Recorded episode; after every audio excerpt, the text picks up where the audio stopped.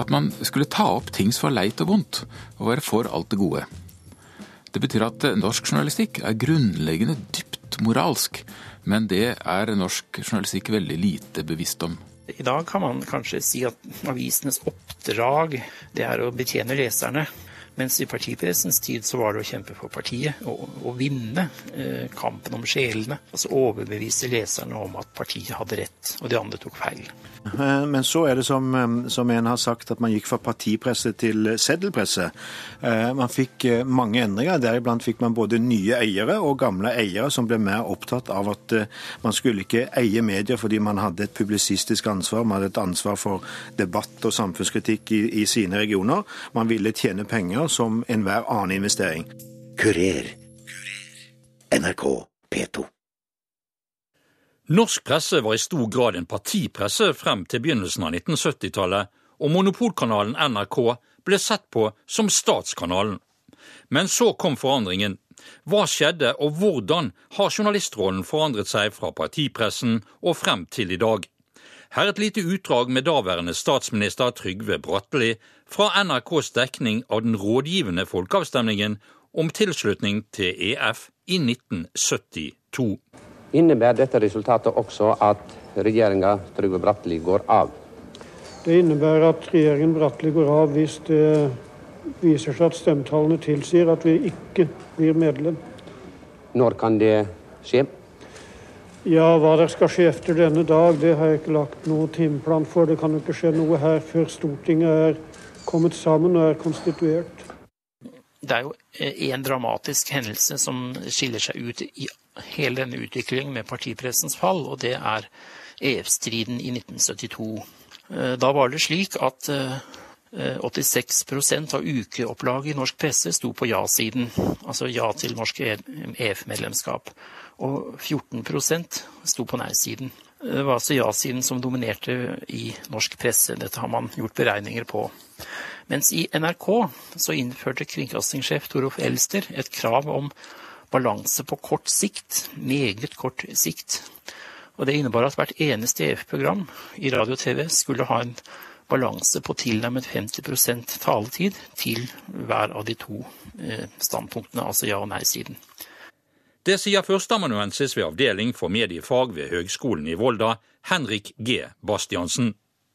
Eh, så kom valgdagen, og velgerne stemte altså ca. 53% nei til EF og 46% ja. Og det viste da, når man telte opp dette, at NRKs dekning av EF-striden og debatten hadde ligget veldig nær valgresultatet, mens pressen med ja-dominansen lå veldig langt unna. Norsk presse hadde altså kommet på tvers av folkemeningen i tidens største politiske sak. Og Årsaken til det var at avisene tok stilling til EF-spørsmålet som partiaviser.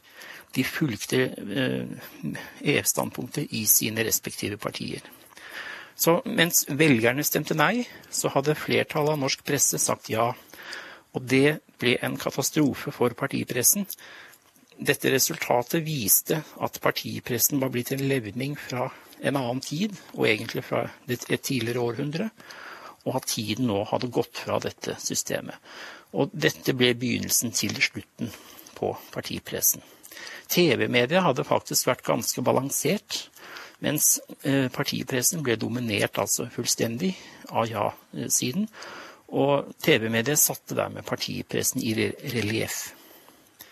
Så fra med dette ble kjent eh, natten til 26.9.1972, så startet en prosess som først eh, gjorde at Venstre revnet i to, ble splittet, og deretter også venstrepressen i to. Og etter kort tid så forsvant hele venstrepressen, og så ble det en modell for høyrepressen, senterpartipressen og uh, arbeiderpressen, som siden forsvant. Uh, så hele dette sammenbruddet for partipressen har sin start i 1972. Og så skjer det altså etappevis utover i 70-årene, 80-årene og 90-årene eh, ettervirkningene eh, av det. Denne prosessen førte frem til noe bedre for journalistikken, sier Henrik G. Bastiansen. Fordi gjennom den prosessen så vokste dagens journalistikkideal frem. Idealet om pressens uavhengighet, partipolitiske uavhengighet, idealer om kritisk og undersøkende journalistikk, Alt dette er ting som er blitt styrket eh, gjennom eh, det at partipressen forsvant. Partiavisene i Norge var, eh, var, ikke uavhengige. De var knyttet til partiene. Og det var eh, selvfølgelig noen ideer om kritisk journalistikk i partipressen, særlig i omtalen av motstanderne. Men eh, det var ikke noe eh, ideal om gravende og undersøkende journalistikk, sånn som vi har i Scoop-bevegelsen, f.eks. Så veldig mye av det vi i dag oppfatter som normal journalistikk, er egentlig et resultat av, av ideer som har vokst frem i tiden etter partipressen. Eh, men det foregikk over flere tiår. Altså, partipressen i Norge hadde vart i, i omtrent 100 år. Eh, altså dobbelt så lenge som eh, NRK-monopolet. Og det har vi jo snakket veldig mye om, og det er jo noe som folk husker. Partipressen altså hadde en dobbelt så lang historie bakover. Så det er en veldig stor og innarbeidet institusjon i norsk presse, akkurat det her. Veldig kort så kan vi si at partipressen hadde en eh, storhetstid eh, fra andre verdenskrig, 1945, eh, og frem til 1972. Da var de fleste norske aviser partiaviser. Og så var det EF-striden i 1972 som gjorde slutt på den. Partiene ble svekket. Og en ny generasjon pressefolk kom inn, og de var ikke interessert i å, i å drive partijournalistikk. Og partipressen kom da i krise utover i 1970-årene. Kurer. NRK P2. Magne Lindholm har bakgrunn som journalist, og arbeider nå som førsteamanuensis ved journalistutdanningen ved Høgskolen i Oslo og Akershus. Han har laget en avhandling, 'Journalistikkens autoritet', hvor han har sett på journalistenes selvbilde fra 1950-tallet til i dag. Det er fordi at eh, alle som uttaler seg om eh, noe, offentlig i hvert fall, eh, de må ha et slags fundament å stå på. Altså Du må ha en posisjon du plasserer deg Det er en av retorikkens gamle innsikter, 2000 år gammel. Og da har jeg også tenkt på hva er det journalistene tenker om seg selv og sin egen rolle i samfunnet? Det er viktig for den måten de snakker om samfunnet på. Men hva er de viktigste trekkene du har funnet ut av dette? Ja, Det er at uh, dette har skiftet. Dette er jo en historisk prosess. Og selvbildet har skiftet veldig, og det henger veldig nøye sammen med endringer i uh, Det skjedde jo en veldig dramatisk ting på 70-tallet. Det var at partipressen brøt sammen. Det er så vidt vi har merket det i Norge nå. for det er det er mange som ser på pressen som en slags fortsatt en slags partipresse med holdninger og tendenser osv. Og, så og den er til dels det rett foran valgene. Men det formet jo norsk presse i 100 år. Så brøt det sammen i løpet av en kort tid på 70-tallet. Eh, noen kaotiske år. Og så har vi i dag en eh, presse som er styrt av store mediekonsern. I dag er det to store mediekonsern, og så har vi NRK som er statlig i tillegg. Eh, men når du sier denne rollen har, har forandret seg, altså journalistrollen, hva er det som har påvirket den sterkest? Ja, det er mange ting. Men eh, det er helt klart at eh, teknologi og eierskap er kjempeviktig her. Journalistikken er veldig teknologistyrt. Det ser vi ikke minst i dag med nettets virkninger, men det er ikke det jeg har sett på. Eh, det, er, det var Noe av det aller viktigste som skjedde, var at fjernsynet ble innført på 60-tallet.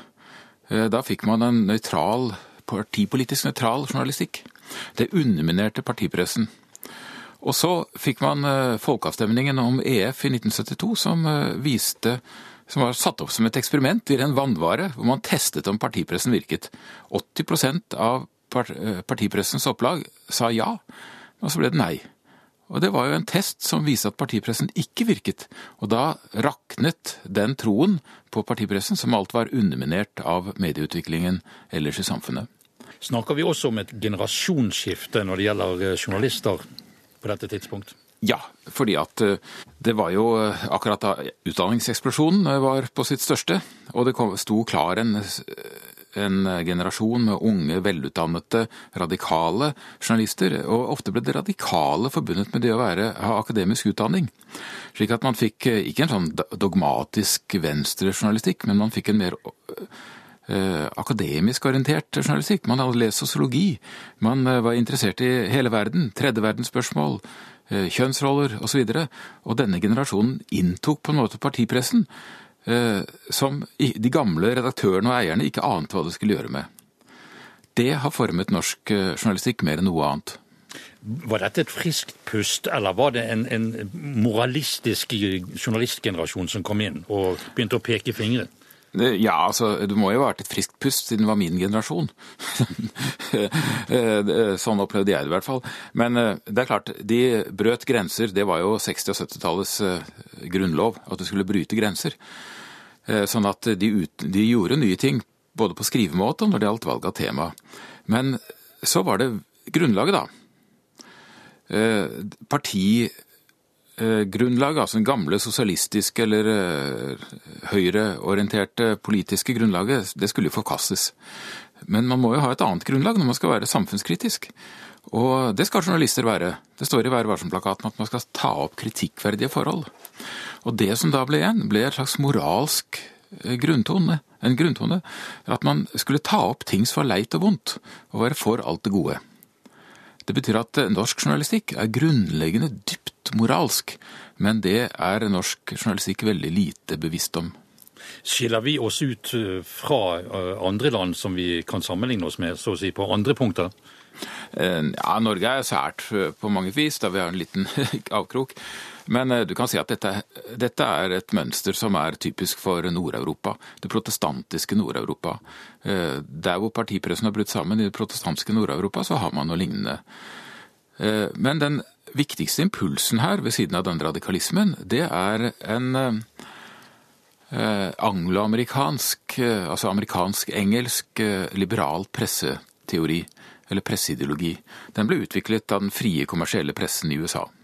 Du påstår også at norske journalister har høye tanker om seg selv og omtaler journalistikken som demokratiets fundament, mens publikum rangerer journalister på nivå med bruktbilselgere. Eh, ikke det noe provoserende overfor denne staden? Ja, altså hvis ikke journalister tåler å være provosert, så hvem skal tåle det da? Eh, eh, når det gjelder dette med demokratiets fundament, så ligger jo det i åpningen på Vær varsom-plakaten, som er den etiske grunnloven. Og vi har jo Sven Egil Omdal, en meget profilert og dyktig journalist, som innledet på Journalistlagets årsmøte med en tale hvor han sa at journalistikken er samfunnets operativsystem. Så dette er eh, dette her er belegg for mine ord. De har høye tanker om seg selv. Eh, dette med økonomenes inntogsmarsj eh, i norsk presse, hvordan har det påvirket pressen? Ja, altså Dette skjedde på 80-tallet. Husk at norsk presse var stappfull av bedrifter med landets beste varemerker. Men ingen tjente penger på de bedriftene. Det er klart at eh, økonomene måtte regne på sånt og gå inn og prøve å tjene penger. De første som gjorde det, var eh, noen spekulanter, og så var det Orkla, som var seriøse. Eh, de kjøpte opp mediebedrifter og tok etter hvert kontroll over mediemarkedet. Og det de har gjort, er å innføre strenge økonomiske rammer for hvordan pressen skal drives. Dette klager jo journalister over til daglig, at de må betale store konsernbidrag. Og det er klart at det påvirker hvordan man driver. Du har også tatt eh, for deg prisene, eh, journalistprisene, og da også Scoop-prisen, den som regnes som den fremste. Eh, hvorfor har du gjort det?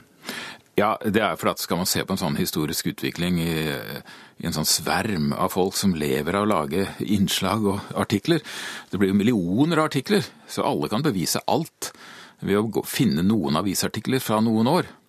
Eh, hvordan skal vi kunne, holde orden på denne, dette kaoset av medieuttrykk? Jo, jeg valgte prisene. For det er jo et spor som journalistene selv har lagt etter seg i historien. Fra 50-tallet til i dag. Og da, Det er søndagsversjonen, selvfølgelig. Men eh, det, de store prisene som Presseforbundet har delt ut, de er et uh, sammenlignbart spor som man la igjen fra år til år. Så det var en veldig god inngang til å se utviklingen. Um Denne undersøkelsen som du nå har gjort, føler du at den er med på å snakke journalister ned, så å si, som viktige faktorer i vårt samfunn? Nei, altså den Noen snakker journalister ned hele tida, bare les kommentarfeltene. Andre snakker det veldig opp. Man må, bør vel ha en sånn middelsvurdering av journalister. Journalistikk er uhyre viktig, det ser man jo i krisesituasjoner og der hvor det blir gjort urett i et samfunn. Samtidig er journalistikk fullt av tull og tøys og rare videoer. Se han som faller ned fra trappa si. Dette er journalistikken. Man må se at den er bred, og den, har, den er ofte middels. Selv om de færreste vet noen ting om hva som skjer i nær fremtid, hva tror du, hvor går vi journalister? Det eneste som er sikkert, er at vi ikke vet hvor vi går. Fordi at vi er i en ny fase nå, som er den digitale distribusjonens epoke. Og vi ser jo at det er omtrent som å være midt inne i et snøskred. Ingen vet hvordan uh, dette utvikler seg. Ingen vet hvor mediebildet endrer, uh, ender. Men at det endres, det er helt sikkert. Kurer. NRK skapte diskusjon også før i tiden. Her fra Stortingets debatt om NRKs virksomhet med saksordfører Einar Førde fra 1971. Fjernsynets folk bør slutte med å holde sine redaksjonskonferanser i middagsavisene og avertere sine interne problem for alle som gidder å interessere seg for dem. Det er lett å finne dømme på at det ikke er som det bør være med omsyn til kollegialitet, solidaritet og evne til å holde kjeften sin på denne arbeidsplassen. Thomas Spens er leder for Norsk Journalistlag, som organiserer i overkant av 9000 journalister. Han mener endringene for journalistene de siste 50-60 årene har vært enorme for standen. Ja, Det har vært en endring som knapt noen annen yrkesgruppe i Norge har gjennomlevd. Det har vært en endring som har snudd ned, opp ned på egentlig alle sider av journalistikken. Både måten vi arbeider på, arbeidstiden, selvbildet, identiteten og konkurransesituasjonen med, med nye medier. Hva har vært den største omstillingen, føler du? Den største omstillingen følger av digitale, det digitale inntoget og den revolusjonen eller endringen det har gjort fra å endre mediehusene som et tilnærmet monopol i sine lokale og regionale samfunn, og hvor redaktører og journalister i stor grad bestemte hva folk skulle lese eller se og høre, og hvem som skulle slippe til, til nå et fullstendig egentlig åpent medielandskap, hvor alle som vil kan slippe til å være sin egen kringkastingssjef på alle plattformer med, med, med, egentlig bare med små, enkle grep. Da partiavisene opphørte, så eh, var det mange som mente at man hadde kastet av seg et åk, og at nå kunne man virkelig begynne eh, med såkalt fri journalistikk og, og, oppfylle de kravene som den fjerde statsmakt eh, bør gjøre. Gikk det sånn? Det gikk seg iallfall en stund, men så er det som, som, en har sagt, at man gikk fra partipresse til seddelpresse. Man fikk mange endringer. Deriblant fikk man både nye eiere og gamle eiere som ble mer opptatt av at man skulle ikke eie medier fordi man hadde et publisistisk ansvar, man hadde et ansvar for debatt og samfunnskritikk i, i sine regioner. Man ville tjene penger som enhver annen investering. Og Det har jo ført til en kommersialisering og økt konkurranse som har gjort at det oppdraget har blitt noe vanskeligere. Det er blitt snevrere rammer enn det var. Det var bedre på 80- og begynnelsen av 90-tallet, men blandingen av den digitale revolusjon og andre eiertyper har gjort at det har blitt mer begrensede ressurser til redaksjonene, og derfor det journalistiske oppdraget. Noen har jo hevdet at norske journalister har svært så høye tanker om seg selv. Har du den samme følelsen? Jeg har iallfall følelsen av at vi hadde veldig høye tanker om oss selv, vi som har jobbet noen tiår i pressen.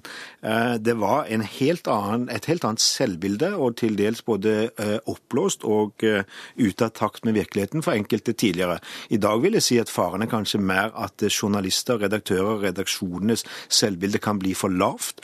At man kan miste troen på hvor viktig uavhengige redaksjoner er, i en tid hvor vi møter en tsunami av informasjon informasjon, redigert og uredigert, kildekritisk og kildeukritisk om en annen, og hvor nettopp den frie, uavhengige redaksjonelle stemme er bare kanskje viktigere enn noen gang for, å navigere for både enkeltmennesker og samfunn. Ja, Hvor viktig er det at man har den debatten, og at man er bevisst de farene? Eh, eh, Stortinget hadde i går den første debatt om pressefrihet. og Det vil jeg si er en veldig gledelig begivenhet. og Der sa flere, fra statsråden og til representantene, at det finnes jo knapt noe viktigere enn å debattere pressefriheten, ytringsfrihetens vilkår så kan man si at de er selvfølgelig langt bedre i Norge enn kanskje i noe annet sted på jordkloden akkurat i dag. Men også hos oss er vi utsatt for eh, press, trusler og ulike utfordringer som gjør at den redaksjonelle frihet er, og pressefriheten er, om ikke truet, så er den iallfall under press, og vi må hver dag jobbe for å bevare den. Eh, hvert år eh, under mediedagene i Bergen så blir det lagt frem en undersøkelse om eh, journalistenes politiske tilhørighet. Så også i, i år. Og det viser jo det at de fleste journalistene, og inkludert redaktørene, befinner seg i sentrum-venstreaksen. Påvirker det den journalistikken vi serverer publikum? Man skal selvfølgelig være opptatt av rekruttering til yrket, og det er eh, både viktig og riktig at journalister representere befolkningen, som de skal både rapportere fra og til. Eh, så tror jeg samtidig at noen legger for stor vekt på hvordan journalisters partipreferanser er. De varierer som med befolkningen fra år til år, eh, men det viktigste er at journalistenes egen yrkeskodeks, den tror jeg i de aller, aller fleste tilfeller trumfer eventuelle personlige sympatier antipatier for den sak eller den kilde man jobber med. Har du på følelsen at eh, vi journalister eh, har troverdighet ute blant publikum? Ja, altså Det er jo ulike målinger som viser både ja og nei til det. og Fritt Ord hadde en undersøkelse før jul som dessverre også viste at de som hadde eh, eh nærkontakt med mediene, hadde mindre tillit enn andre. Men det tror jeg forstått gjelder mange deler av samfunnet. De som har nærkontakt med helsevesenet, har ofte dårligere eh, tillit til helsevesenet enn de som ikke har. Eh, men i det store og hele så tror jeg at stadig flere, dette håper jeg, det finnes ikke noe vitenskapelig bakgrunn for det, at flere forstår at uavhengige eh, journalister er noe helt annet enn tilfeldige blogger, interessegrupper, partsrepresentanter som skriver eller legger ut film eller har meninger som bunner i at de har et formål som ikke er å opplyse allmennheten, men som er å fremme en eller annen sak. Politisk, økonomisk, ideell eller av en eller annen karakter. Uavhengigheten er nøkkelordet, og den tror jeg folk flest vil forstå. Det er bare mediene som har. Det virker jo som om eh, journalistikken per i dag står overfor, eh, når det gjelder troverdighet i hvert fall, står overfor større utfordringer enn de har gjort på lang, lang tid.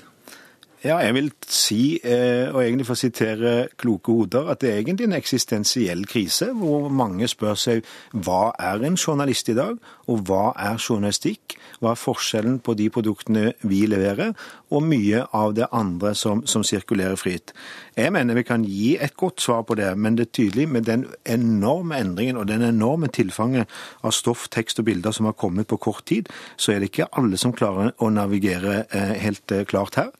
Eh, og det gjør også at det er langt færre journalister i Norge i dag enn det var for fem-ti år siden, og det samme trendene ser jo over hele verden. Og det er klart vi er nødt til å samle alle som er opptatt av å bevare frie, uavhengige medier, for å kunne sikre at vi også har det i fremtiden. Ta nå hovedstaden, som bare for få år siden hadde eh, bydelsaviser som dekket eh, både bydel og kommunen. I dag er det nesten ingen eh, som dekker hovedstaden i Norge med over en halv million innbyggere. Det er et stort demokratisk tap.